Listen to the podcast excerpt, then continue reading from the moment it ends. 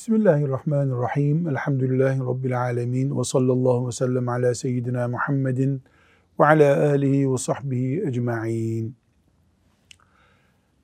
Dünya hayatını içine dalıp boğulmadan ama ihmal de etmeden cennete götüreceğimiz salih amellerin yapıldığı yer olarak değerlendirmeye yönelik hadisi şerifleri okuyorduk Riyazu Salihinden. Şimdi 487. hadisi şerife geldik. Ee, bu derste de okuyacağımız hadis-i şerifler özet olarak dünya hayatını imtihan olarak bilin. Dünyayı ihmal de etmeyin, peşinde de sürüklenmeyin, ortalamayı yakalayın diyen anlamda yüklü hadis-i şerifler e, okumayı, amel etmeyi, amelimizde de ihlaslı olmayı Rabbim kolay kılsın hepimize. Abdullah İbni Mesud radıyallahu anh'ten rivayet ediliyor bu hadis-i. Hafız Salih okuyalım. Abdullah İbni Mesud radıyallahu anh şöyle dedi. Resulullah sallallahu aleyhi ve sellem bir hasır üzerinde yatıp uyumuştu. Uykudan uyandığında hasır vücudunun yan tarafında iz bırakmıştı. Biz ya Resulallah sizin için bir döşek edinsek dedik. Bunun üzerine Resulullah sallallahu aleyhi ve sellem benim dünya ile ilgim ne kadar ki? Ben bu dünyada bir ağacın altında gölgelenen sonra da oradan kalkıp giden binitli bir yolcu gibiyim buyurdular. Yani hayvanı olan bir yolcuyum. Salih Hafız hasır biliyor mudur gençler? Hasır hocam e, bazı yörelerde böyle meşhur bir... Ama plastik hasır var şu anda. Yani plastik biliyoruz doğru. Bu e, hangi ottan yapılıyor hasır eski hasırlar? Kamıştan. Kamış, kamıştan. Yani doğru kamıştan yapılıyor. Daha sonra Mısır şeyinden yap. Mısır e, yulafından da yapılıyor. Yani bu şimdi niye bunu tarif ediyoruz? Kilimle halı arasında fark nedir? Kilim sert, halı tüylü, pamuklu zaten ya da yünlü. E, hasır sert bir şeydir. Mesela bir çocuk hasır denen şeyin üstünde böyle çıplak ayakla yürüse ayakları herhalde yani rahatsız olur ondan. Büyük adamın ayağında olmaz da. Yani cuma namazlarında işte dışarı serilen şeylere biz hasır diyebiliyoruz. Yok yazlıklarda falan da kullanılıyor. Ama plastik bunlar. Hmm. Yumuşak böyle kayıyorsun üstelik üstünde. Yani Efendimiz sallallahu aleyhi ve sellemin uyuduğu hasır kamıştan yapılmış hasır. Dolayısıyla yüzünü koydun mu böyle çizik kalır yüzün. Koltuğun çıplaksa mesela kolunu yasladığında yani yara bile İz yapar. kalıyor Tabii, evet, Çünkü yaralar. sert bir şey, halı değil. Kamış o. Bir nevi e, çıtalardan yapılmış bir şeyin üstünde uyumak gibi. İşte sahabi Efendimiz sallallahu aleyhi ve sellemin öyle bir hasırın üstünde uyuduğunu görmüş de uyanınca da mübarek bedeninde iz bırakmış o hasır. Bir yatak bulsak sana ya Resulallah demişler. Efendimiz sallallahu aleyhi ve sellem bu tavsiye üzerine ne buyuruyor? Benim ne işim var bu dünyayla? Benim ne işim var bu dünyayla? Ben bir ağacın altında dinlenip yoluna devam edecek bir yolcuya benziyorum diyor. Kendisi öyle, ona iman edenler de öyle. Sallallahu aleyhi ve sellem. Burada tabii ki Efendimiz aleyhissalatu vesselamın dünyaya tenezzülsüzlüğünü görüyoruz. Buna ne diyoruz ıstılahta? Zühd. Zahidü. Zahid Efendimiz sallallahu aleyhi ve sellem. Ee, dünyaya aldanmamanın örneğini veriyor. Halbuki ipekten yatak yapardı ona ashabı eğer arzu etseydi.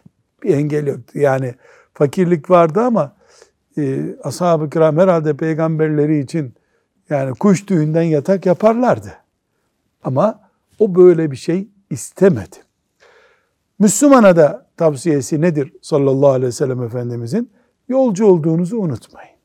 Ağacın altında dinleniyorsunuz işte. Bunu söylemiş oluyor aleyhissalatu vesselam Efendimiz. Bir sonraki hadis-i şerife geçelim. Ebu Hureyre radıyallahu anh'ten rivayet edildiğine göre Resulullah sallallahu, Sallallahu aleyhi ve sellem şöyle buyurdu. Fakirler cennete zenginlerden 500 sene önce girerler. Fakirler cennete zenginlerden 500 sene önce girerler. Şimdi burada bir defa bu 500 sene 365 çarpı 5 demek değil. 500 demek değil. Yani ahiretin senesi bu. Belki bu dünyaya göre trilyon sene yapıyordur. Ya bunu Allah bilir. Dolayısıyla buradaki 500 kelimesini hafif görmek haşa zaten mümkün değil ama bu 500'e takılmak gerekmiyor. Buradaki 500 büyük ihtimalle yani çok uzun işi var zenginlerin demek oluyor. Bir. İki bir incelik daha var burada. O zaman fakir kime deniyordu? Medine sokaklarında çarıksız, çıplak ayakla dolaşana deniyordu. Zengin kimdi? Ayağında terlik olan. Mesela. Şimdi fakir kime deniyor? Ya da 100 sene önce kime deniyordu? Mesela ben memleketimizde annemden, babamdan fakir zenginle ilgili kimler, hangi sülaleler fakirdi dediğimde bana e, annem çok e, büyük bir ölçü verdi. Filanca amca tanıyor musun? Biliyorum dedim, görmedim ama o çok zengindi, evinde kesme şeker vardı dedi. Ne gülüyorsunuz? Hatta akrabamızdan biri çok ağır bir mide ağrısına yakalanmış. Ee, Karadeniz'de boşluk ağrıyor, boşluğum ağrıyor denir. Daha ziyade bu böbrek türü ağrılara, böğür ağrılarına boşluğum ağrıyor denir. Gitmişler o zengini gece uyandırmışlar. Kesme şeker vermiş ona. O kesme şeker de böyle yumruk gibi işte Erzincan'dan gelirmiş o zamanlar o şeker. Yani bizim şimdiki gibi de lüks şeker değil. Kaya gibi bir şey. Ondan keserle kırıp bir dilim vermiş. İşte böbrek ağrısına iyi geliyor. Zenginlik bak kesme şeker var evinde sözü bizi güldürdü. Hangi fakir var evinde kesme şeker yok şu anda? Ne kesme? Kesme pasta var şimdi fakirlerin evinde bile. Dolayısıyla bu fakirlik neyin rakamıdır? Yani asgari ücreti mi ölçü alacak melekler? Medine fakirliğini mi ölçü alacaklar? Şimdiki fakirliği mi ölçü alacaklar? Bunu bilmiyoruz. Bilmemiz gerekiyor mu? Hayır. Bu hadis zaten asgari ücretliler ve üst düzey kazançlılar diye bir ayrım yapmıyor. Hadis-i şerifin öğrettiği o değil. Hadis başka bir şey söylüyor. Ey mümin! Mal çoğaldıkça hesap zorlaşıyor dikkat et. Hadis bunu anlatıyor. Mal çoğaldıkça hesap zorlaşıyor. Neden? Çünkü 100 liralık bir bütçen varsa onu e, avucunun içinde bile kalemle yazarak hesaplarsın. 100 lira nedir ki? 100 bin liralık harcaman olunca sana bir dosya kağıdı lazım. 1 milyarlık harcama yaptıysan bu sene sana koca bir defter lazım bu sefer. O defteri okumakta vakit alacak. Ama seri'ul hisab Allah değil mi? Ayet nasıl? Evet. İnnallâhe İnnallâhe seri'ul Allah'ın e, hesabı seri'dir. Bizim için 500 senelik rakamlar var. allah Teala için her şey bir saniyede bitecek zaten. O bizim hesaplarımızı Allahu Teala yaparken biz öyle bekleyeceğiz. Allah için zaman işlemiyor ki Celle Celaluhu. Bu 500 seneler bize ait. Kullarına ait. Şimdi demek ki fakirler zenginlerden 500 sene önce cennete girecek ya da zenginler fakirlerden 500 sene sonra cennete girecek demek imanın e, lüksü var, pahalısı var, birinci sınıf, ikincisi var demek değil. Yani mümin zenginse hesabı artıyor. Fakirse namazları, orucu, Selamun aleyküm. Allah kabul etsin cennete kıldıysa. E zenginin de namazı var, orucu var. Haç devreye girdi. Zekat devreye girdi.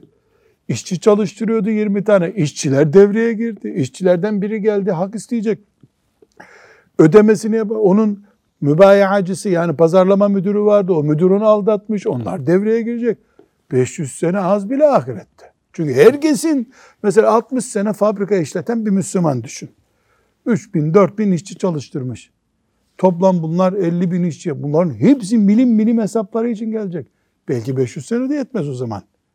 Yani hadise ilave gibi haşa söylemiyorum. Mantığı anlaşılsın diye söylüyorum. Yani o zamanın seneleri bu zamanın seneleri değil. Oradaki fakirlik asgari ücretle geçiniyor, işte yırtık pantolonu var demek değil. Burada asıl yakalanacak şey ey mümin nasıl her yaşadığın gün daha fazla aldığın nefes demek, her nefeste hesap demek kıyamet günü. Aynı şekilde de her kuruş, her lira, her bozdurduğun döviz o demek. Bunu anlamadıktan sonra insan ne yapar? Bu kadar mübarek hadisi şeriften zengin fakir işte sosyalist mantığı filan vesvese çıkarır. Çarçur edersin hadisi şerifi. Burada Talha hocam e, Efendimiz sallallahu aleyhi ve sellem ne zengini yeriyor ne fakiri övüyor burada. Konusu Efendimiz sallallahu aleyhi ve sellemin fakirlik ve zenginlik değil. Çünkü imanı olmayan fakir cennete girecek mi? Asla. Zengin iman ehliyse cehennemde kalacak mı? Asla. Demek ki meselesi Efendimiz sallallahu aleyhi ve sellemin fakir ve zengin meselesi değil. Fakir salih amelleri sayesinde daha kolay kurtulacak demektir. Zengin de isyan sahibi ise cehenneme girecek demektir. Yoksa zengin de fakir gibi salih ameli varsa Ebu Bekir radıyallahu anh fakir miydi? Abdurrahman ibn Avf fakir miydi? Sa'd ibn Ebi Vakkas fakir miydi? Cennete 500 sene sonra mı girecekler? Onlar da 500 sene sonra girecek diyebilir misin? Eğer fakir, fakirliğine ameli salihleri, ibadetleri de birleştirmiş, yıllar onun için hızlı geçti. Zengin, üstelik de isyan dosyaları var. Kaçırmış iş, İslam devletinden vergi kaçırmış, işçisinin aklından kaçırmış, sattığı malda hile yapmış, neyse artık. O 500 senelik hesap sırasına girecek demektir. Allahu Teala yoksa kullarına hem nimet verecek hem de verdiği nimetten dolayı bekle burada diyecek. O Allahu Teala'nın işi değil. Haşa. Evet bu hadisi şerifte e, bu hayata nasıl bakmamızı anlatan önemli ölçüler koyuyor. Sallallahu aleyhi ve sellem Efendimizin lisanından. 489. hadise girelim. Benzer maddeyi bir kere daha göreceğiz orada.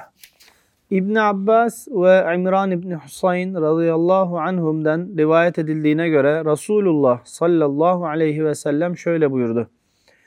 Cenneti yakından tanıdım.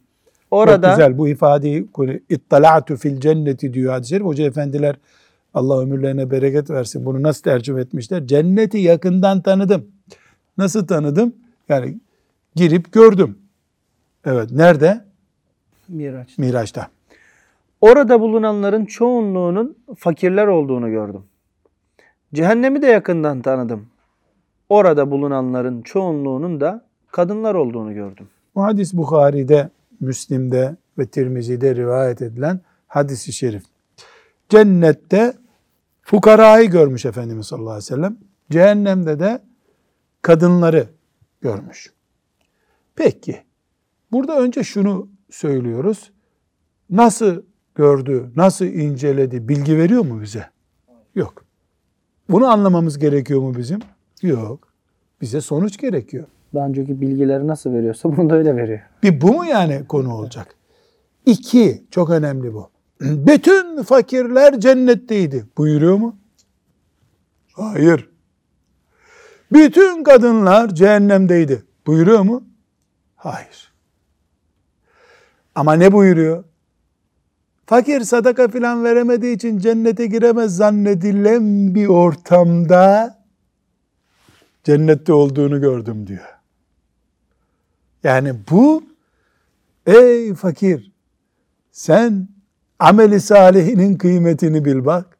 Salih amel sayesinde ben seni cennette gördüm anlamını taşıyor burada. Kadın, bütün kadınlar cehennemdeydiler demiyor. Kadın cihatla sorumluluğu yok. İnfak sorumluluğu yok. Camiye gitmek zorunda değil. Kadının cehennemde ne işi var? Olması gerektiği halde onu cehennemde gördüm. Nasıl fakir cennete giremez zannedenlere karşı öyle oldu? Kadının da cehenneme girmesini gerektirecek çok bir şey yok ki. Cihattan sorumlu değil, vatan müdafasından sorumlu değil. Camiye, cumaya gitmekten sorumlu değil. Az işi var. Yani kadın girmez cehenneme zannedilirken dikkatten kaçıyor demek ki. Kadın cehenneme girebiliyor. Ne yapıyor burada? Fakire diyor ki salih amellerin yani ibadetler, hayırlar aman aman bunların kıymetini bil. Ananın babanın kıymetini bil. Yani cennete koş. Nasıl olsa senin yolun açık. Kadına da ne diyor? Sakın gevşek davranma ha. Gevşek davranma. Kadın madın denmiyor. Herkes atılıyor cehenneme ona göre. Yani kadınsın diye kadınlar ayrıcalık, kadın görevlisi falan yok zebanilerin. Dünyada öyle kadın polis seni kelepçeleyip götürüyor. Cehennemde öyle kadın görevliler, kadınlara ayrıcalık, indirim falan yok. Burada bu hadisi şerifi okurken hoca efendilerin ihmal etmemesi gereken çok önemli bir şey var. Bunun altını mı çiziyoruz? Kenarını mı çizeceğiz? Mesele şu. Resulullah sallallahu aleyhi ve sellem Efendimiz fakirler fakir oldukları için cennete girdiler demiyor. Çünkü fakirlik cennete sokan şeylerden biri değildir. Fakirler kolay hesabı verilir bir hayat yaşadıkları için cennet onlara kolay oldu. Aynı zamanda da tesbihatından ibadatına kadar diğer eksiklikleri de tam yaptılar, becerip cennete girdiler. Yoksa kolay olan cennete fakir olduğu için girmek değildir. Fakirlik onları günahlardan uzak tuttu. Fakirlik kalın kalın dosya tutmalarını gerektirmedi. Gariban olduğu için gideyim camide oturayım dedi. Camide oturunca hep sevap kazandı. Böyle oldu. Fakirlik cennet avantajı değildir.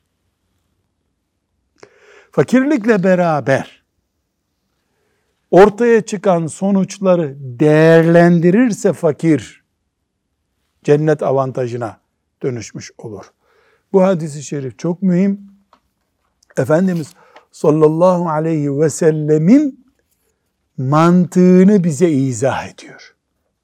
Nasıl bir İslamiyet, nasıl bir akide öğütlüyor bize sallallahu aleyhi ve sellem onu gösteriyor.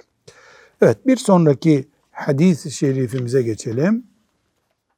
Üsame İbni Zeyd radıyallahu anhuma'dan rivayet edildiğine göre Resulullah sallallahu aleyhi ve sellem şöyle buyurdu. Cennetin kapısında durdum. Oraya girenlerin çoğunluğu dünyada bir şeyleri bulunmayan yoksullardı. Evet biraz önceki hadis-i şerifte gördük. Varlıklı kimselerse hesaba çekilmek üzere alıkonulmuşlardı. Ya Allah. Şu kadar var ki onlardan cehennemlik olanların cehenneme sevk edilmeleri emrolunmuştu. Yani hareket başlamış. Operasyon deniyor ya operasyon başlamış. Bu hadis-i şerif 260. hadiste geçmişti. Tekrar şerhine girip vakit kaybetmeyelim. Bu tip tekrar olan hadisi şerifleri konu benzerliğinden dolayı Nevevi rahmetullahi aleyh burada tekrar ediyor. Ee, geri derslere dönüp tekrar bakılabilir. Aynı sözleri tekrar edip bir şişirme olmasın istiyorum. Ama ala külli hal dünyada gariban cennette gariban değil. Dünyada forslu ahirette forslu olmayabilir. Ama her şey akıbete bağlı. Fakir olup dünyada bir sürü fakr zaruret yaşadığı halde cehennemi de boylayabilir insan. Değil mi? Yani fakir illa cennete girecek diye bir şey yok. Cennet daha yakın ona değerlendirebilirse eğer olur. Yoksa maazallah. Bir sonraki hadisi şerif Ebu Hureyre radıyallahu anh'ten rivayet edildiğine göre Nebi sallallahu aleyhi ve sellem şöyle buyurdu. Şairlerin söylediği sözlerin en doğrusu Lebid'in şu sözüdür. Biliniz ki Allah'tan başka her şey yok olacaktır. Ela kullu şeyin ma halallaha batilun. Bu nahivde örnek veriliyor değil mi? Neyin örneğidir Talha Hoca bu? Ma halallah. Halanın, E, istisna edeti olarak halalin halanın. Ma halallaha batilun. Ee, Lebid cahiliye dönemi şairlerinden bir şairdir. Sonra Müslüman oldu. Kitaplardaki kayıtlara göre Müslümanlığı da çok güzel oldu. Radıyallahu anh. Kaliteli işte o zamanın anlamında güçlü bir şairmiş. O kadar güçlü ki Resulullah sallallahu aleyhi ve sellem onun şiirinden bir parça almış. Ela ma halallaha Ela kul ma halallah batilun. Allah'tan başka her şey yok olup gidecek. Allah kalacak diye söylemiş. Bu e, hadisle konuyu bitiriyor Nebevi. Dünya hayatını değerlendirme konusunu. Ne demek istiyor? Yani dünya fani çekip gidecek. Allah kalacak. Ve senin salih amellerin varsa kalacak. Burada akıllara gelebilir bir soruyu mütalaa edelim Talha Hocam. Şiir deyince hep şarkı türkü akla geliyor. Değil mi? Öyle değil. Şiir bir konuşma türüdür. Bir sanat türüdür. Ve helaldir. Yani şiirle normal konuşmanın bir farkı yoktur. Bir sanattır. Herkes şiir söyleyemez. Kim bilir? Mesela e, Türkiye'de kaliteli milli denecek şair milyonda bir var mıdır? 82 şairi var mı milli Türkiye'nin? Mehmet Akif gibi, Necip Fazıl demek ki çok varsa da amatör mesela şiir. Herkes okulda şiir yazıyor ama işte Necip Fazıl gibi rahmetullahi aleyh kimse şair olmuyor tabii Mehmet Akif gibi olmuyor. Ee, yani şiirin koca Osmanlı'da mesela 20 tane fuzuli yok değil mi? Yani, e, şiir bir kabiliyet meselesi. Şiir sakıncalı değil. Şiir haramı kışkırttığı zaman şehveti, cinselliği, kul hakkı hilalini, zulmü ortaya çıkardığı zaman yani zulmediyorsan şiirinle, e, avret konular ortaya çıkıyorsa şiirle, Allah'ı zikire engel oluyorsa şiir, o zaman şiirde sakınca var. Düz yazıda da öyle sakınca var. Umumiyetle de şairler ürettikleri şeyleri şarkı türkü olarak bestelettirdikleri için Kur'an-ı Kerim ne buyuruyor? Ve şuara'u Yettebi'uhumul gâvûn. yani şairler öyle boş işlerin peşinden ya da boş işler şairlerin peşinden yuvarlanırlar. Ama her şair değil tabi. Ayet nasıl bitiyor sonra? İllellezine amenu. İllellezine amenu. Öyle iman eden. Hassan İbni Sabit de şairdir radıyallahu anh. Ee, Ondan sonra Abdullah İbni Ravahe kaliteli şairlerden. Yani ashab-ı kiramın şairlerinden. Hem şair hem şehit yani. Hem şair hem şehit. E dolayısıyla ashab-ı kiramda şair çok. Çünkü şiir o zaman daha böyle anlatıma uygun, bugünkü medyanın bir nevi yerini alıyor. Bu sebeple elhamdülillah dinimiz şiiri men etmiyor. Men ettiği nedir? Şiirin harama kalıp yapılmasıdır. Böylece bu e, 491. hadisi şerifle beraber e, Efendimiz sallallahu aleyhi ve sellemin dünyayı dengeli kullanmamızı, ısrarla bunu kaç derstir vurguluyorum.